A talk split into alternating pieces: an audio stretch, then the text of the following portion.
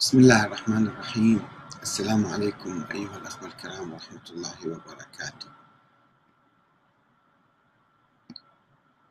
آه، موضوعنا لهذا اليوم موضوع مهم جدا في الحقيقة وهو من بقايا نظريات سياسية قديمة قبل 1400 سنة آه، ولكنه يشكل عقدة في العلاقات السنية الشيعية.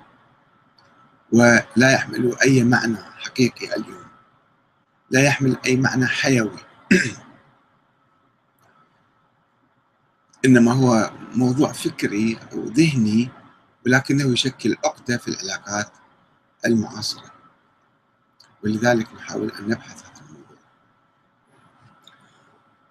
ونقول بضرورة حل عقدة الولاية لأهل البيت في العلاقات الشيعية السنية.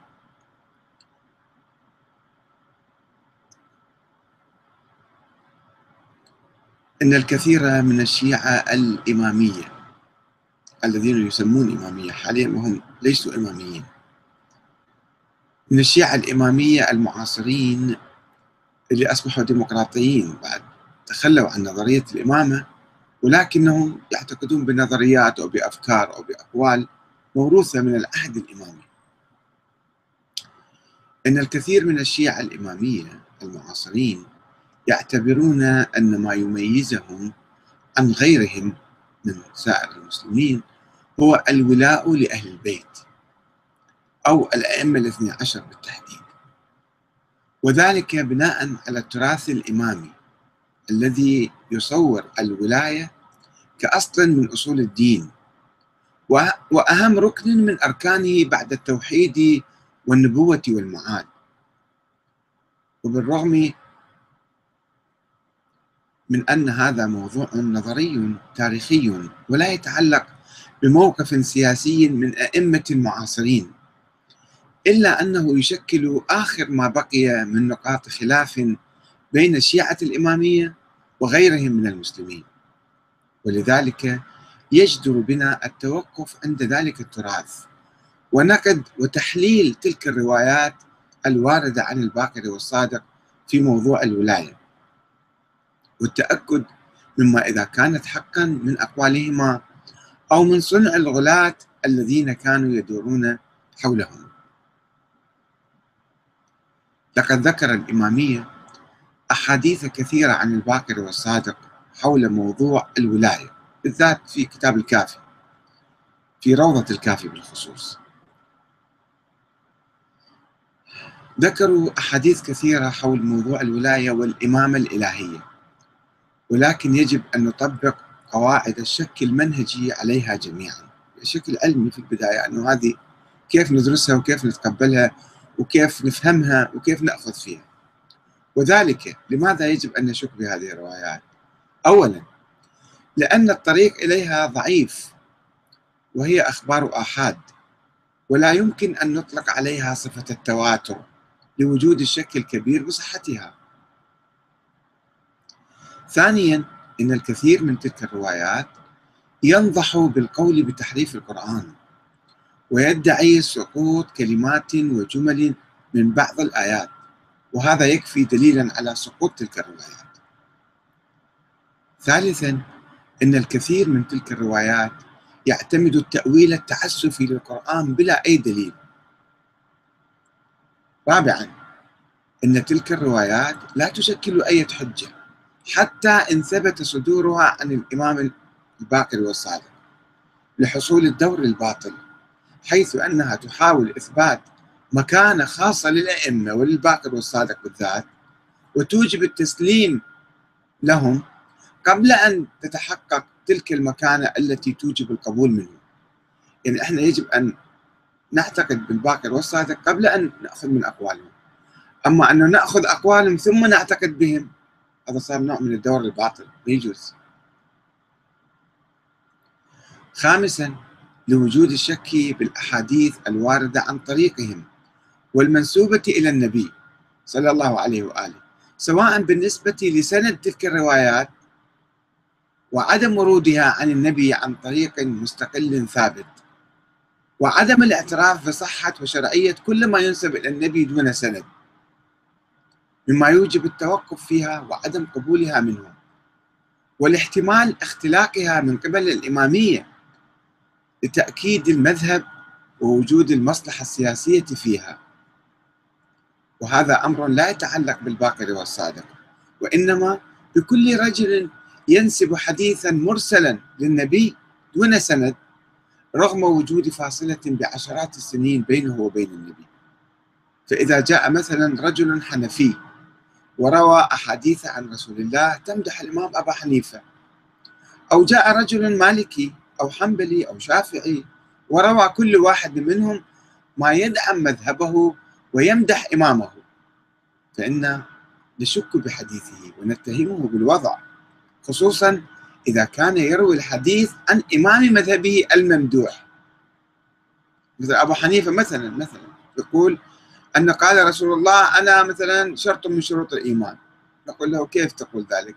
ما هو السند؟ ما هو الحديث؟ كيف نصدق منك؟ وبعدنا إحنا ما عارفيك. وهكذا إذا جاء شيعي وروى عن إمامه عن رسول الله مرسلا بما يدعم مذهبه ويمدح إمامه فإننا نشك بحديثه ونرفضه. ولا نريد أن نتهم الإمام الباكر أو الصادق بالكذب والعياذ بالله ولكننا نتهم الرواة عنهم في أجواء الصراع المذهبي ومحاولة كل فريق دعم إمامه ومذهبه في ذيك الأيام. ونقول إنه لا يمكن التصديق بالأحاديث التي تؤسس لنظرية الولاية لمجرد ورودها عن الأئمة بل لا بد من بنائها على أساس القرآن الكريم أو الأحاديث النبوية التي لا يشك بها أحد من المسلمين. يعني هاي الأحاديث الواردة عن الإمام باكر والصادق بقية المسلمين يرفضوها. نحن نشك بها ومن حقهم أن يشكوا بها.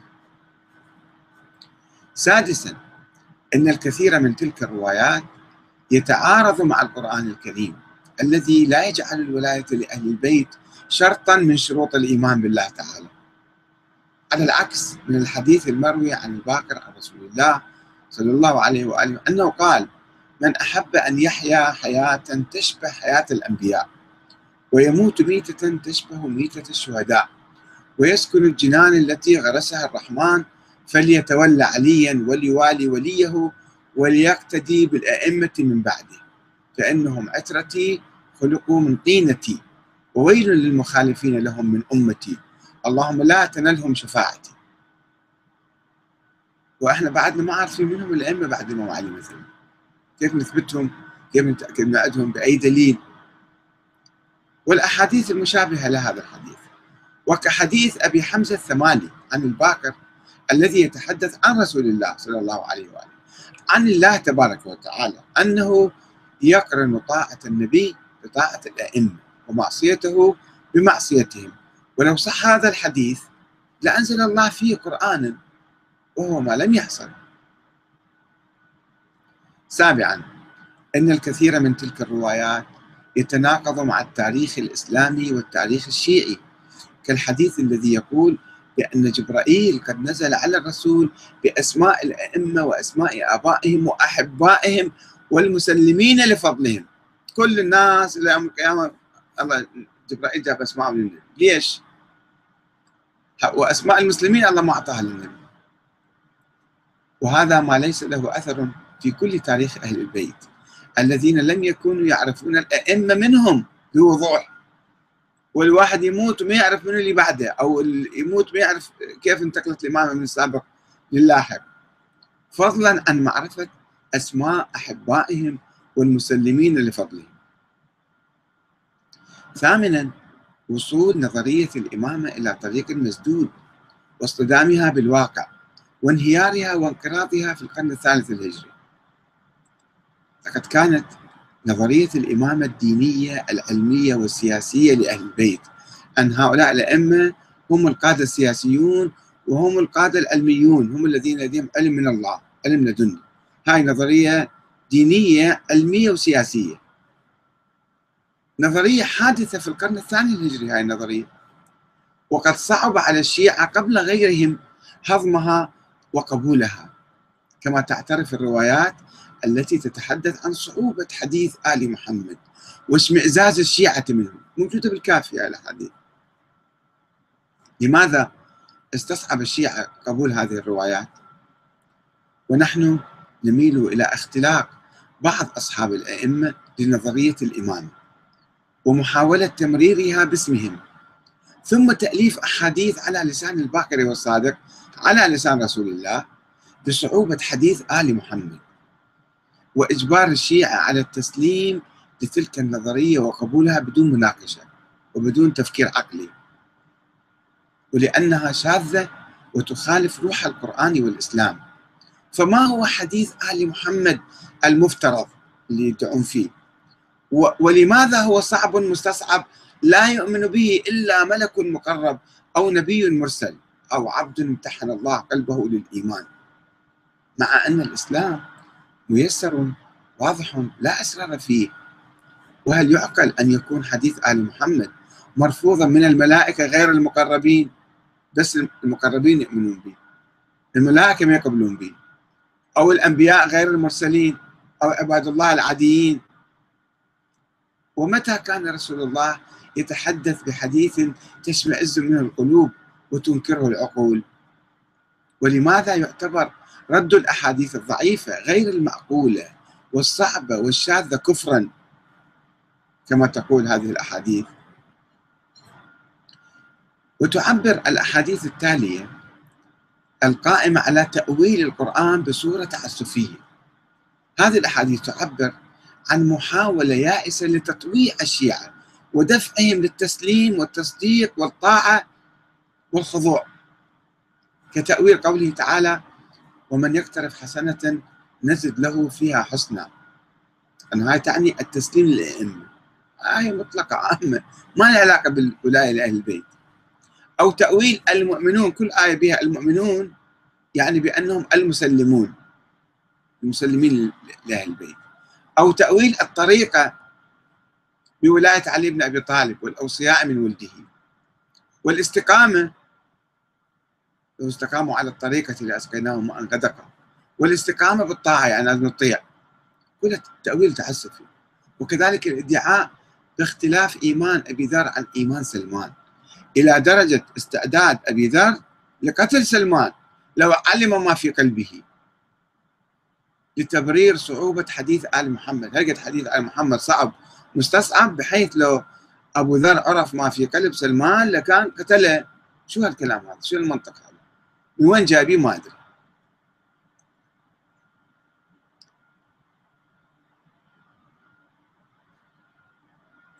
هناك آه، رسالة يرويها الكليني في روضة الكافي عن الإمام الصادق فيها كلام كثير فيها تنظير لهذا الكلام. معروف رسالة وحيدة هي موجودة الإمام الصادق كتب النظرية مالته هكذا يقولون وبثها في صفوف الشيعة. وإذا جئنا إلى رسالة الإمام الصادق المزعومة للشيعة فسنجد فيها اعتبار ماذا يقول فيها؟ ولاية الأئمة شرطا من شروط الإيمان الذي لا يتم إيمان عبد إلا به واحد ما يصير مؤمن إلا ما يؤمن بولاية أهل البيت. وهو ما يتناقض مع القرآن الذي لا يشترط سوى الإيمان بالله ورسوله واليوم الآخر للفوز في الآخرة. وإذا كان القرآن يأمر بطاعة الله وطاعة الرسول وأولي الأمر كما في قوله تعالى يا أيها الذين آمنوا أطيعوا الله وأطيعوا الرسول وأولي الأمر منكم فإن تنازعتم في شيء فردوه إلى الله والرسول. إن كنتم تؤمنون بالله واليوم الآخر ذلك خير وأحسن تأويلا. فإن القرآن لم يحدد من هم أولي الأمر. ولذلك فقد تنطبق الآية على أموال النبي في حياته. كما تنطبق على الأئمة الذين تنتخبهم الأمة. أو على العلماء بصورة عامة كما يفسرونها ويؤولونها ولا دليل على تخصيص الآية بآل محمد. وبالبيت العلوي ثم بالبيت الحسيني ثم البيت الباكري ثم الجعفري ثم الموسوي وهكذا. في الأعقاب وأعقاب الأعقاب. ما في أي كلام عن التأويل هذا. وإنما هو ادعاء وتأويل دون دليل واضح أو متين. وجاءت الرسالة لتعتبر طاعة الأئمة من آل محمد من طاعة الله ومعصيتهم من معصية الله. وذلك اعتمادا على تأويل قوله تعالى وجعلناهم أئمة يهدون بأمرنا. هكذا ورد في هذه الرسالة. يعني من الأئمة الأئمة من أهل البيت.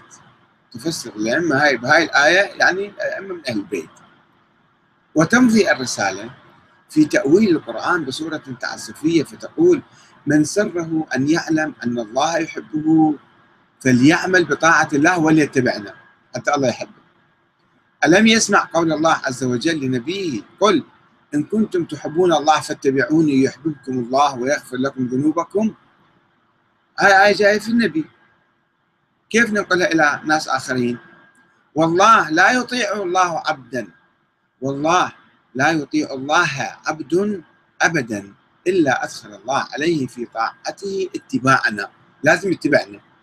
إذا يريد يتبع الله لازم يتبعنا إنا ولا والله لا يتبعنا عبد أبدا إلا أحبه الله. ولا والله لا يدع أحد اتباعنا أبدا إلا أبغضنا. إذا ما اتبعنا يصير عدو النار. ولا والله لا يبغضنا أحد أبدا إلا عصى الله. ومن مات عاصيا لله أخزاه الله وأكبه على وجهه في النار. والحمد لله رب العالمين. طيب كيف أنت ركبتوا هاي الموضوع دخلتوا بالإسلام؟ الإسلام ما فيه الشيء هذا. شلون صار؟ بالتأويل. وبالرغم من حدة الرسالة شفتوا شلون حادة وعنيفة تقسم الناس يعني. وشدتها في تأسيس الولاء لأهل البيت. عنف بل ما يحبنا هذا يروح بالنار. أكبر الله على من خير في النار فإنها لا تقدم دليلا سوى القسم المكرر بالله. لا والله لا والله لا والله لا. شنو الدليل على ذلك؟ القسم ما يسوي عقيدة ما يسوي نظرية. لازم نجيب دليل كيف أصبح كذلك. ومن أنتم؟ من أهل البيت؟ هذه الرسالة لا توضح. ومن البديهي أن القسم لا ينفع في تأسيس عقيدة ولا إقناع محاور. أنا أتناقش ويا بالواحد أو أتجادل وياه. إذا حلفت على كلامي يعني صار صحيح. ما يصير صحيح. وتلجأ الرسالة المنسوبة للإمام الصادق. وأنا أستبعد هذا جدا. إلى استخدام آية فلا وربك لا يؤمنون حتى يحكموك فيما شجر بينهم. ثم لا يجدوا في أنفسهم حرجا مما قضيت ويسلموا تسليما. هذه آية جاية عن النبي. شلون تركبها على الأئمة الآن؟ لتطالب الشيعة بالتسليم للأئمة. وتهدد من يعترض على الله والرسول بالشرك. ثم تربط بين التسليم لله والرسول والتسليم للأئمة من آل محمد في جميع الأقوال. صار هم جزء من النبي يعني. فيما أسروا وما أعلنوا وفيما بلغني عنهم وفيما لم يبلغني. أنا أؤمن به ونربع بالإمام الصادق أن يستخدم هذا المنطق في فرض الولاء والطاعة والتسليم له. وإحنا ما عندنا أي دليل على إمامته. على إمامة أبيه الباقر ما عندنا أي دليل على إمامة أبيه. على إمامة زين العابدين ما عندنا أي دليل. لا نص ولا وصية ولا معجزة ولا علم غيب ولا أي شيء. فكيف نأخذ هذا الكلام من عنده كأنه وحي منزل؟ وكأنه هذا كلام رسول الله. وجزء من الإيمان. شلون شلون نقبل يعني؟ هذا صار طفرة في الموضوع؟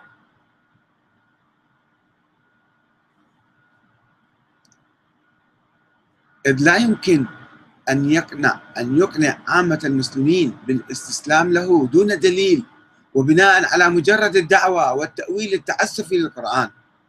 وذلك لأن النبي محمد صلى الله عليه وآله لم يدعو المسلمين إلى طاعته إلا بعد أن قدم لهم معجزته الخالدة القرآن الكريم. فكيف يمكن أن يأتي أي أحد في قابل الأيام ليحشر نفسه بين الله والنبي دون دليل قاطع وواضح وأكيد؟ وهذا ما يدفعنا إلى الشك بتلك الرسالة المزعومة المنسوبة إلى الإمام الصادق ورفضها بقوة.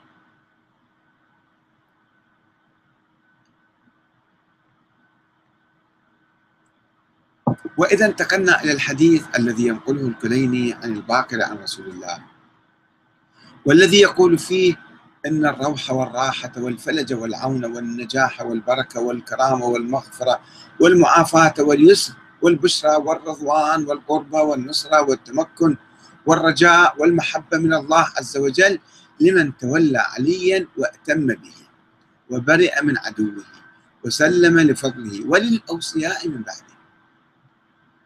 حقا على علي أن أدخلهم في شفاعتي وحق علي على ربي تبارك وتعالى أن يستجيب لي فيهم فإنهم أتباعي ومن اتبعني فإنه مني. زين منهم الأوصياء؟ كيف تثبتهم؟ كل إمام عنده 10 20 ولد. مسألة غامضة شلون نربط الإيمان والنجاة والفلج والفوز بالآخرة بشيء غامض مجهول؟ فإنا نلاحظ أيضا أنه مرسل من الباقرة إلى رسول الله هذا الحديث وهو ما يدفعنا كذلك للتوقف والتساؤل عن مدى حجية أحاديث الأئمة المرسلة التي تؤسس لنظرية الإمام الإلهي. مرة يقول هذا قال أبي عن أبيه عن جدي عن رسول الله ممكن نقبله كرواية أما يرسل حديث هكذا ما يمكن واحد يقبله. والمفروض أننا لم نتوصل بعد إلى إثبات مكانتهم الخاصة التي تفرض علينا التسليم لأقوالهم. واحد يقول ولا هم أئمة وكل ما يرسلون بعد هم ما يكذبون صحيح هذا عن رسول الله. يعني هذه هذه المرحلة هذا الكلام يمكن يصح بعد ثبوت الإمامة لهذا الإنسان أو ذاك الإنسان. أما أنت بعدك ما مثبت الإمامة وما تعرف شنو دليل هذا الشخص شلون تربطه بالله وقاعد تاخذ عليه أخبار كأنها وحي منزل. هذا ما يصير. ومن الملاحظ أن بعض الأحاديث المنسوبة للإمام محمد الباقر في الكافي مروية عن أبي خالد الكابلي. من هذا أبو خالد, أبو خالد الكابلي؟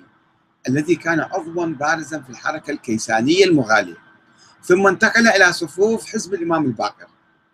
وأخذ ينسج الروايات الخيالية الأسطورية عن الأئمة وعلمهم بالغيب. كان يرجع دائما يشوف رواياته أنه بس اجى سلم على الامام ما عرف أنت منو أبوك منو جدك منو اسمك شنو الحقيقي مو اسمك هذا. أشياء علم الغيب ينسبها للإمام وتحدثهم عن الله تعالى. مثل هذا الحديث الذي يرويه عن الباكر عن الله بلا واسطة. قام يروي أحاديث عن الباكر عن الله. النبي صار ما صار نبي الله. والله لا يحبنا عبد ويتولانا حتى يطهر الله قلبه ولا يطهر الله قلب عبد حتى يسلم لنا ويكون سلما. فإذا كان سلما لنا سلمه الله من شديد الحساب وآمنه من فزع يوم القيامة الأكبر. شلون أنت قاعد؟ الله يسوي كذا الله يسوي كذا القيامة. منين جبت الكلام؟ ويقول حديث آخر منسوب إلى الباقر بأن الحجاج أمروا أن يطوفوا بالكعبة ثم ينفروا إلينا فيعلمونا ولايتهم ومودتهم ويعرضوا علينا نصرتهم. منين أمروا من أمرهم؟ ويستشهد بهذه الآية واجعل أفئدة من الناس تهوي إليهم. ليقول إنها تعني حب الأئمة والاهتداء إليهم. تأويل تأويل تعسفي بلاش. ولكن الآية غير صريحة بل بعيدة عن الدعوة لتقديم الولاية لأهل البيت إلا بتأويل متعسف وحاشا أئمة أهل البيت أن يتلاعبوا بالقرآن بهذه الطريقة لإقناع الناس بتقديم الولاء لهم. أنا ما أصدق الإمام باقر قال الكلام. هذا كله كذب منسوب إليه وهكذا هو الحديث عن آية قل, قل إنما أعظكم بواحدة أن تقوموا لله مثنى وفرادا ثم تتفكروا ما بصاحبكم من جنة إن هو إلا نذير لكم بين يدي عذاب شديد. التي يقوم حديث منسوب إلى الباقر بتأويلها بالولاية. هسه عليكم الله أقرأ هاي الآية. تشوفون فيها شيء كلام من قريب أو بعيد على موضوع الولاية؟ أبدا ما موجود. بس يجي الحديث يأول هاي بالقوة. صورة تعسفية بالولاية. يقول إنما أعظكم بولاية علي. هي الواحدة التي قال الله تبارك وتعالى إنما أعظكم بواحد. كما يؤول آية نزل بها الروح الأمين على قلبك لتكون من المنذرين بلسان عربي مبين. وآية ولو أنهم أقاموا التوراة والإنجيل وما أنزل إليهم من ربهم بالولاية. آية تحدث عن اليهود والنصارى يقول آية تعني الولاية. وهذا منتهى التعسف في التأويل. ونربأ بالإمام الباقر. يعني إحنا ما نصدق. هو أعظم من ذلك. ونربأ بالإمام الباقر أن يكون قد قال ذلك. بل نحتمل قويا أن تكون الرواية موضوعة على لسانه. وإذا قبلنا منطق التأويل بهذه الصورة كل واحد يجي أول القرآن فلا يمكن أن أن نحد عملية التأويل بأية حدود. وسوف نسمح لكل من يريد التلاعب بالقرآن أن يفعل ما يشاء ويؤول ما يشاء. بيد أن عملية التأويل التعسفي تستمر مع الأسف. هكذا بلا حدود. وينقل الرواة عن أبي جعفر الباقر أنه أول أيضا الصراط المستقيم بالولاية. وأنه كان يقول بتحريف القرآن. الباقر كان يقول بتحريف القرآن. هكذا تنسب الرواية وأنه أضاف كلمة في علي أو بموالاة علي أو آل محمد وأقحمها في عدد من آيات القرآن الكريم. وقال هكذا نزل بها جبرائيل عليه السلام على محمد. وهذه دعوة لا تستحق النقاش لأنها تتعارض بصراحة مع القرآن الكريم. وقد أمر أهل البيت أئمة أهل البيت بضرب أي رواية تتعارض مع القرآن أرض الجدار. وبعد تهافت عمليات التأويل ودعاوى التحريف في القرآن. نصل إلى نص منسوب إلى الإمام الباكر حول ولاية الإمام علي. وأن من عرفه كان مؤمنا ومن أنكره كان كافرا. ومن جهله كان ضالا ومن نصب معه شيئا كان مشركا. ومن جاء بولايته دخل الجنة. وهو نص ينسجم مع نصوص أخرى مشابهة مروية عن الباقر حول مسألة الولاية وأنها ركن من أركان الإسلام. ونحن لا نستطيع أن نقبل بهذه الروايات مهما اعتبر البعض رجالها ثقات. مثلا إذا يجي واحد يقول لك علم الرجال قال ذول ثقات. بس إحنا ما يمكن نقبلها من علم وذلك لأنها مو فقط السند المتن لازم نشوفها أيضا. لأنها تتناقض مع روح القرآن الذي يدور حول الإيمان بالله والرسول. ولا يضيف إليهما أشخاصا آخرين من الصحابة ولا يربط الإيمان والكفر والضلال والشرك بولاية الإمام علي. ونحسب هذا الحديث من صنع الغلاة المتطرفين من الإمامين.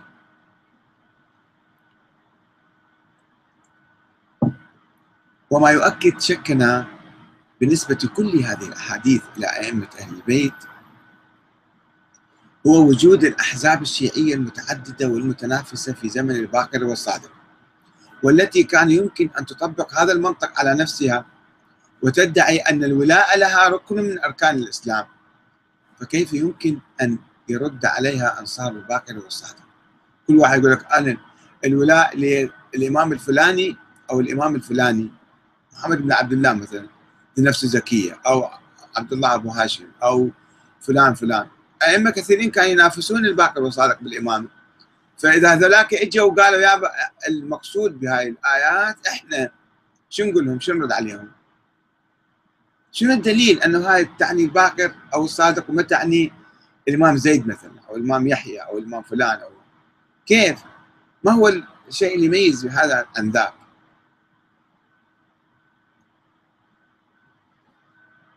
وكيف يحاجونها؟ وهل يطالبونها بالدليل لتلك الأحزاب الأخرى أم لا؟ ما ما يحتاج دليل. أو أم كل العملية كلها بدون دليل. وإذا كانوا يفعلون ذلك يطالبون بالأدلة فكيف يمكن أن يتجرأ الإمام الباكر أو الصادق بادعاء أمر لا يملك عليه الدليل؟ شلون يتجرأ؟ مستحيل. إذا فهذا كذب عليه. لأن كلام متهافت. كلام ما له معنى. أنتم تصوروا الآن في عشرات من هذا أو كذا واحد مثلا من أهل البيت ينسبون نفسهم من أهل البيت وكل واحد يدعي أنه هو إمام. وكل واحد يقول أنا الله لزقني بالنبي. شلون نصدقه وإن مما يهون الخط في حل لغز هذه الروايات هي معرفة الحركات المغالية التي كانت تنتشر في تلك الأيام والتي كانت تلخص الدين وتعلق النجاة في الآخرة على معرفة رجال وبغض رجال. الكيسانيين. تؤمن بهذا الإنسان طب الجنة تكفر بهذا الإنسان طب النار. كل الدين متعلق بالرجال وتهون الأعمال الصالحة والعبادات التي جاء بها الإسلام. وتنسب مقولاتها إلى الأئمة من أهل البيت. حيث نجد بصماتها واضحة على أحاديث من هذا القبيل. مثلا شوف الحديث هذا. أما لو أن رجلا قام ليله وصام نهاره وتصدق بجميع ماله وحج جميع داره ولم يعرف ولاية ولي الله فيواليه ويكون جميع أعماله بدلالته إليه. ما كان له على الله عز وجل حق في ثوابه ولا كان من أهل الإيمان. هذا الرجال راح بالنار يروح صايم طول دهره ومصلي وحاج وزكي وكل شيء كله مثل في الأعمال فربط كل الأعمال فقط الموقف التبعية لشخص معين. وفي الحقيقة لا نحتاج إلى أئمة أهل البيت لكي ينفوا هذا الحديث وإنما يكفي أن نعرضه على القرآن لنكتشف أنه يتناقض معه بشدة. فقد أعلن القرآن ختم النبوة بمحمد ولم يشترط لقبول الأعمال أن تكون بدلالة أحد بعد النبي إلا تتبع هذا الإمام حتى أعمالك تصير صالحة ومقبولة. والدعوة بلا دليل. ثم كيف يمكن أن نعرف ولي الله في كل زمان ومكان؟ من هو ولي الله؟ وما هو الدليل على أن هذا الشخص مثلا هو الولي اللي لازم نتبعه؟ نظريات مثل خيوط العنكبوت كلها واهية وضعيفة ومركبين الدين كله عليها. وإنما يدعونا لرفض مثل هذه الأحاديث. هو ما تحتويه من أقوال شاذة تخرج عن إطار المنطق الإسلامي مثل ما يروى عن الباكر من ربط مسألة الولاية والقبول بها بعوامل جينية تعود للطينة التي خلق من الإنسان في عالم الذر. وهو كما يقال عالم مثالي قبل عالم الأرض. أخذ الله فيه ميثاق الشيعة بالولاية لأهل البيت. وهم ذر كانوا صغار صغار. يوم أخذ الميثاق على الذر بالإقرار له بالربوبية ولمحمد بالنبوة. كما يقول حديث غريب منسوب إلى الباقر مرسلا إلى الله تعالى. دون سند من قرآن أو سنة نبوية. وينطوي على جبرية وتفاصيل أسطورية لا دليل عليها. مما يدفعنا للشك بصحة هذا الحديث واتهام الغلاة باختلاقه ونسبته إلى الإمام الباقر. وإلا لو نصدق الإمام الباقر تصير مصيبة عظمى حقيقة يعني إحنا حسن ظننا وإيماننا بأهل البيت ما ما نقبل من يتكلموا بهالصورة هذه وبهالمنطق هذا. وهكذا نشك ونتوقف ونرفض الأحاديث التي يرويها الإمامية عن الإمام جعفر الصادق في موضوع الولاء لأهل البيت. فهي كذلك تقوم على تأويل القرآن تأويلا تعسفيا. بما يخدم قضية التحزب والصراع السياسي وجمع الأعوان ومحاربة الخصوم. كلها هاي هدفها هاي الأحاديث. وقد رأينا حديثا منسوبا إلى الصادق. يدعو الشيعة إلى موالاة الأئمة اعتمادا على تأويل كلمة الأئمة في آية وجعلناهم أئمة يهدون بأمرنا. الأنبياء 73 يقول من هذول الأئمة وجعلناهم أئمة؟ هذول الأئمة من أهل البيت. شوفوا شلون شلون يعني تأويل يعني واضح جدا. رغم أن الآية تتحدث عن الأنبياء السابقين إبراهيم ولوط وإسحاق ويعقوب عليهم السلام حيث يقول الله تعالى خلينا نقرأ الآية نشوف الآية شو تقول.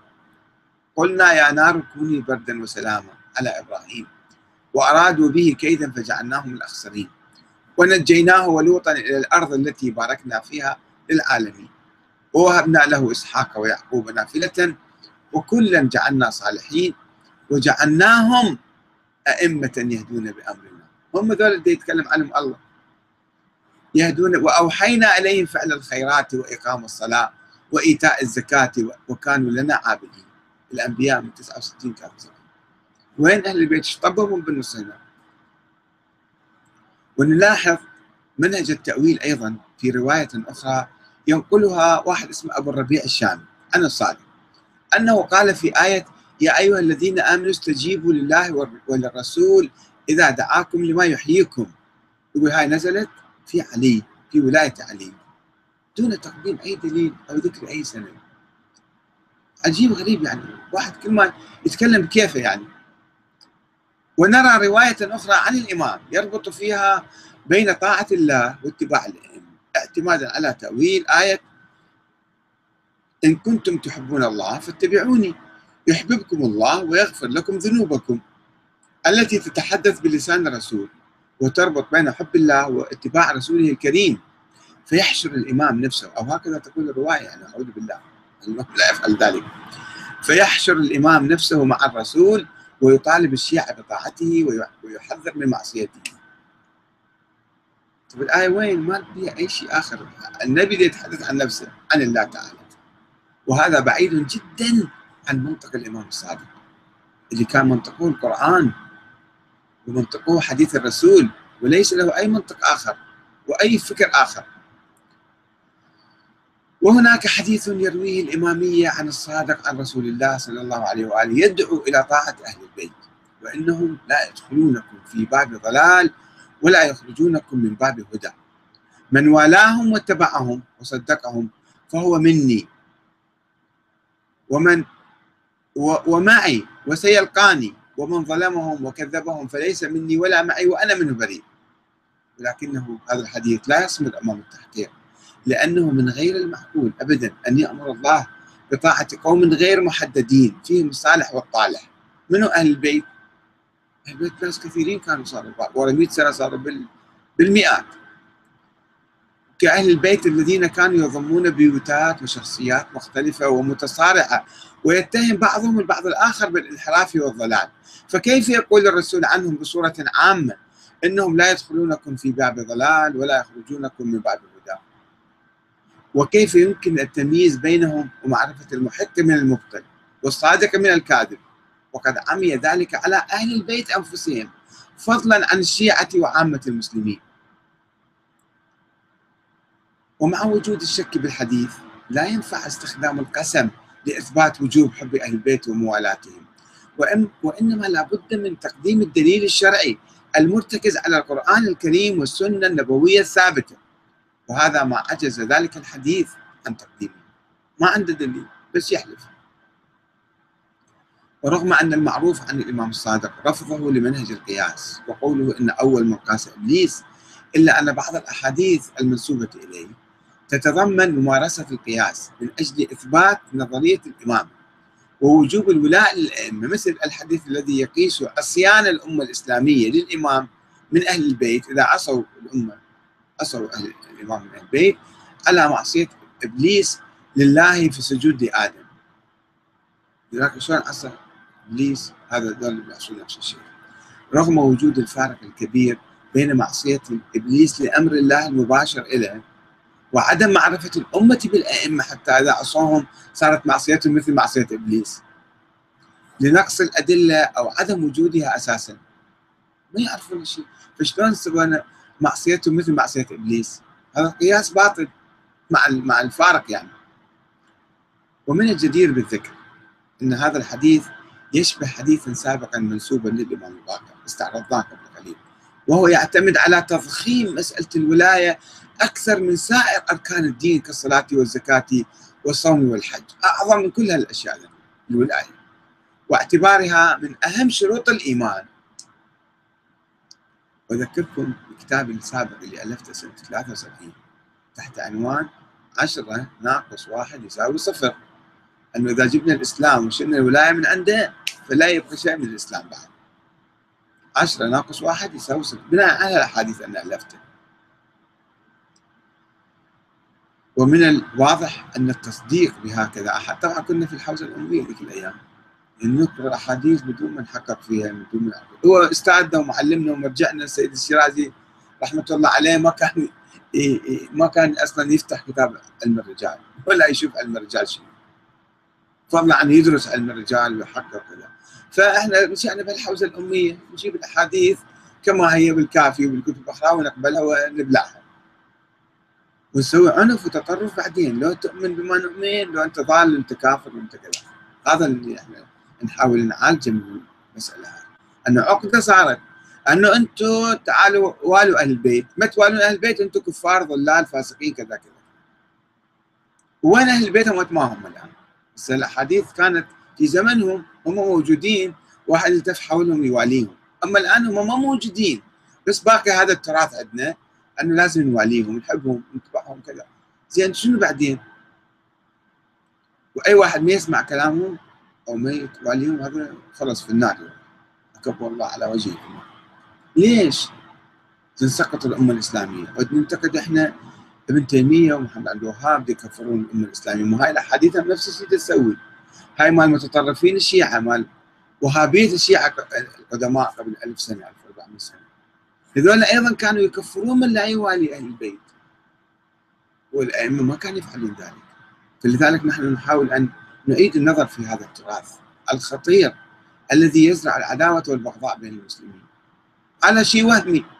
الولاء لأهل البيت. وين أهل البيت ما موجودين. شنو حصل بعدين؟ غير العركه بمجتمعاتنا الحديثة. ومن الواضح أن التصديق بهكذا أحاديث يؤدي إلى مساواة الكفر بالأئمة بالكفر بالله تعالى. لو كفرت بالإمام كفرت بالله أنت. واعتباره إلحادا يستحق العذاب الأليم. وهذا بعيد جدا عن روح القرآن الكريم. ولكن ما يدعونا إلى رفضها هو اعتمادها فقط على التأويل المتعسف. دون أي كل الأحاديث شوفوها اقروها افحصوها انظروا فيها. كل تأويل تعسفي. وعندما كانت عملية التأويل تواجه صعوبة ما في إثبات المطلوب فإن الغلاة المتطرفين ذولا كانوا يلجؤون إلى القول بتحريف القرآن وإضافة ما يشاءون إليه باسم الأئمة. كما رأينا في الروايات التي تضيف الولاية إلى عدد من الآيات وتصرح بأن القرآن نزل هكذا وتقسم على ذلك. والله نزل القرآن كذلك. قسم ما يفيد جيب دليل. ومما يؤكد وقوف الغلاة وراء اختلاق أحاديث هاي الولاية كلها. ونسبتها كذبا وزورا إلى الإمام الصادق ومن قبل الإمام الباقر هو ادعاؤهم شوف الحديث تفتهمون شنو معنى الكذب والتزوير والاختلاق على أهل البيت. يقول أخذ الله الولاية لأهل البيت من جميع الأنبياء السابقين وحتى الملائكة في السماوات في محاولة منهم لإضفاء صفة البعد الديني الأزلي على موضوع الولاية وعدم الاقتصار على النظر إلى الأئمة كزعماء سياسيين لا هذول الله خلقهم وهم خلقوا الكون وخلق الكون من أجلهم وبالتالي فكل الملائكة كل الأنبياء كل كذا هم كلهم كانوا يوالون أهل البيت فشلون أنت بعد ما تؤمن بولاية أهل البيت؟ طيب شنو أساس هاي النظرية؟ وين من القرآن؟ وين من النبي؟ مو موجود هالشيء هذا كل الروايات طلعت وتنسب شوفوها بالكافي تنسب إلى الإمام باقر والصادق والباقر والصادق متى كانوا عايشين؟ في القرن الثاني الهجري يعني أنه هاي الروايات خرجت على الأقل في القرن الثاني الهجري في القرن الأول ما كانت معروفة ولا أحد يعرفها يعني أنه هذه اختلقت في القرن الهجري هاي نظرية الولاية والامامه وتريد تربط الناس بأئمة وزعماء معينين وتضفي عليهم طابعا دينيا الهيا سرمديا وازليا. الشيء أهم كل شيء من الدين صارت الولاية. أهم من الصلاة والزكاة والصوم والحج وكذا الولاية. وهذا شيء حقيقة انحراف خطير. مثل تكفير الآخرين اللي يكفرون المسلمين إذا إحنا صدقنا بهاي الروايات راح نكفر كل المسلمين.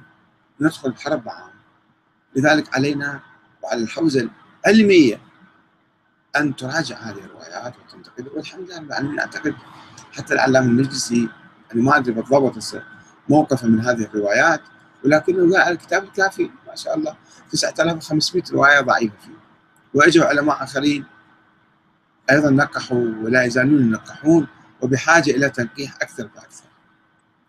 ف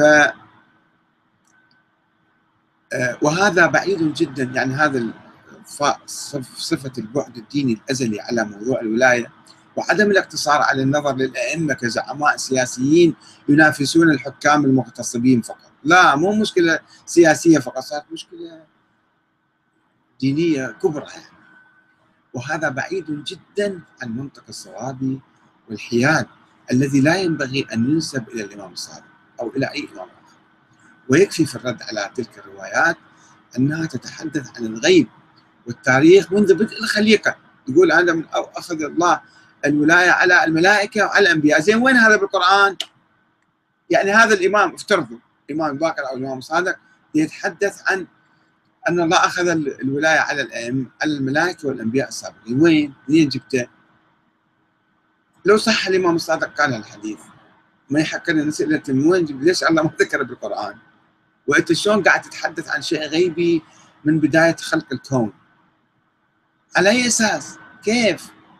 من أنت حتى أقبل من عندك مثلا؟ أنا بعدني ما مؤمن بيك إذا اعتقدت أنت نبي ممكن آخذ حديثك إذا النبي محمد صلى الله عليه وآله يحدثني عن أشياء عن خلق الكون مثلا عن خلق الإنسان أنا أقول له آمنت وسلمت لأن اعتقدت بك أنت نبي آخذ كل كلامك على أنه وحي بس إذا أجاني واحد آخر وقال لي قام يحدثني عن الله عن الكون عن السماوات عن التاريخ الصحيح أقول له أنت شنو بعدني ما أعرفك أنت منه شلون قاعد تتحدث؟ على أساس قاعد تتحدث؟ منين جاي؟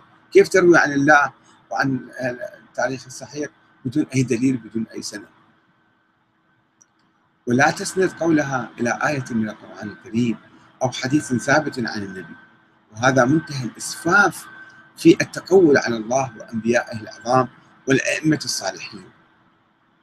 ونجلهم نجل أئمة أهل البيت عن كل هذا الكلام عن كل الأحاديث ونبرأ من كل هالكلام هذا لأنه هذا يسوي عنف طائفية وسوى يمكن تلك الأيام أيضا عنف طائفية آه، وتكفير وحقد وعداوة. والآن إحنا أئمة ما عندنا. نسوي أنظمة ديمقراطية وجمهورية ومنتخب الحكام. ومتمسكين ببعض الأحاديث بعض الناس يعني. متمسكين بهاي الأحاديث ويعتبروها هذه يعني كأنه وحي منزل. وكلها صحيح روايات مروية. وما يفكر على طريقة الأخباريين مع الأسف الشديد. الأخباريين والحشويين والغلاة يصدقون كل الأحاديث ان الولايه شيء عظيم لازم عنده ما عنده ولاية راح يروح للنار. شنو معنى الولاية؟ الحب نحب أهل البيت نحب كل الناس يحبون أهل البيت. الولاية يعني الاتباع السياسي والخضوع لهم والتسليم لهم. زين هم ما هم الآن. شلون إذا هذه النظرية صحيحة؟ كان استمرت إلى اليوم. وما دام لم تستمر فهي إذا النظرية غير صحيحة. نظرية باطلة مزيفة مزورة منسوبة كذبا إلى أهل البيت. يقولون لا اخوان الامام المهدي موجود. طيب وين؟ شلون إحنا يمكن نولي؟ شلون يمكن نتبعها؟ شلون يمكن نلتف حوله؟ شلون يمكن ننصره؟ أيضا صار بحكم الله موجود. حتى لو كان افترض موجود افترض موجود. هو بحكم الله موجود. مو إمام ولا ما يأم الناس ولا ناس يأتمون فيه. فشنو معنى كلمة إمام؟ إمام الذي يجي بالنص المجتمع. حي ظاهر كما يقول الإمام حي ظاهر والناس يلتفون حوله يصبح إمام. لما نقول إمام الصلاة إمام الجمعة أو إمام الجماعة مو يصلي بالبيت ونسميه إمام. لازم يجي بالمسجد يؤم الناس أو بأي مكان يعني حتى نسميه إمام. الجماعة أو إمام الجمعه هو اذا جلس في بيته أو راح بالصحراء واحدة صلى هذا ما يسمى امام فماذا تعني الإمامة؟ ماذا تعني الولاية لأهل البيت ما موجودين؟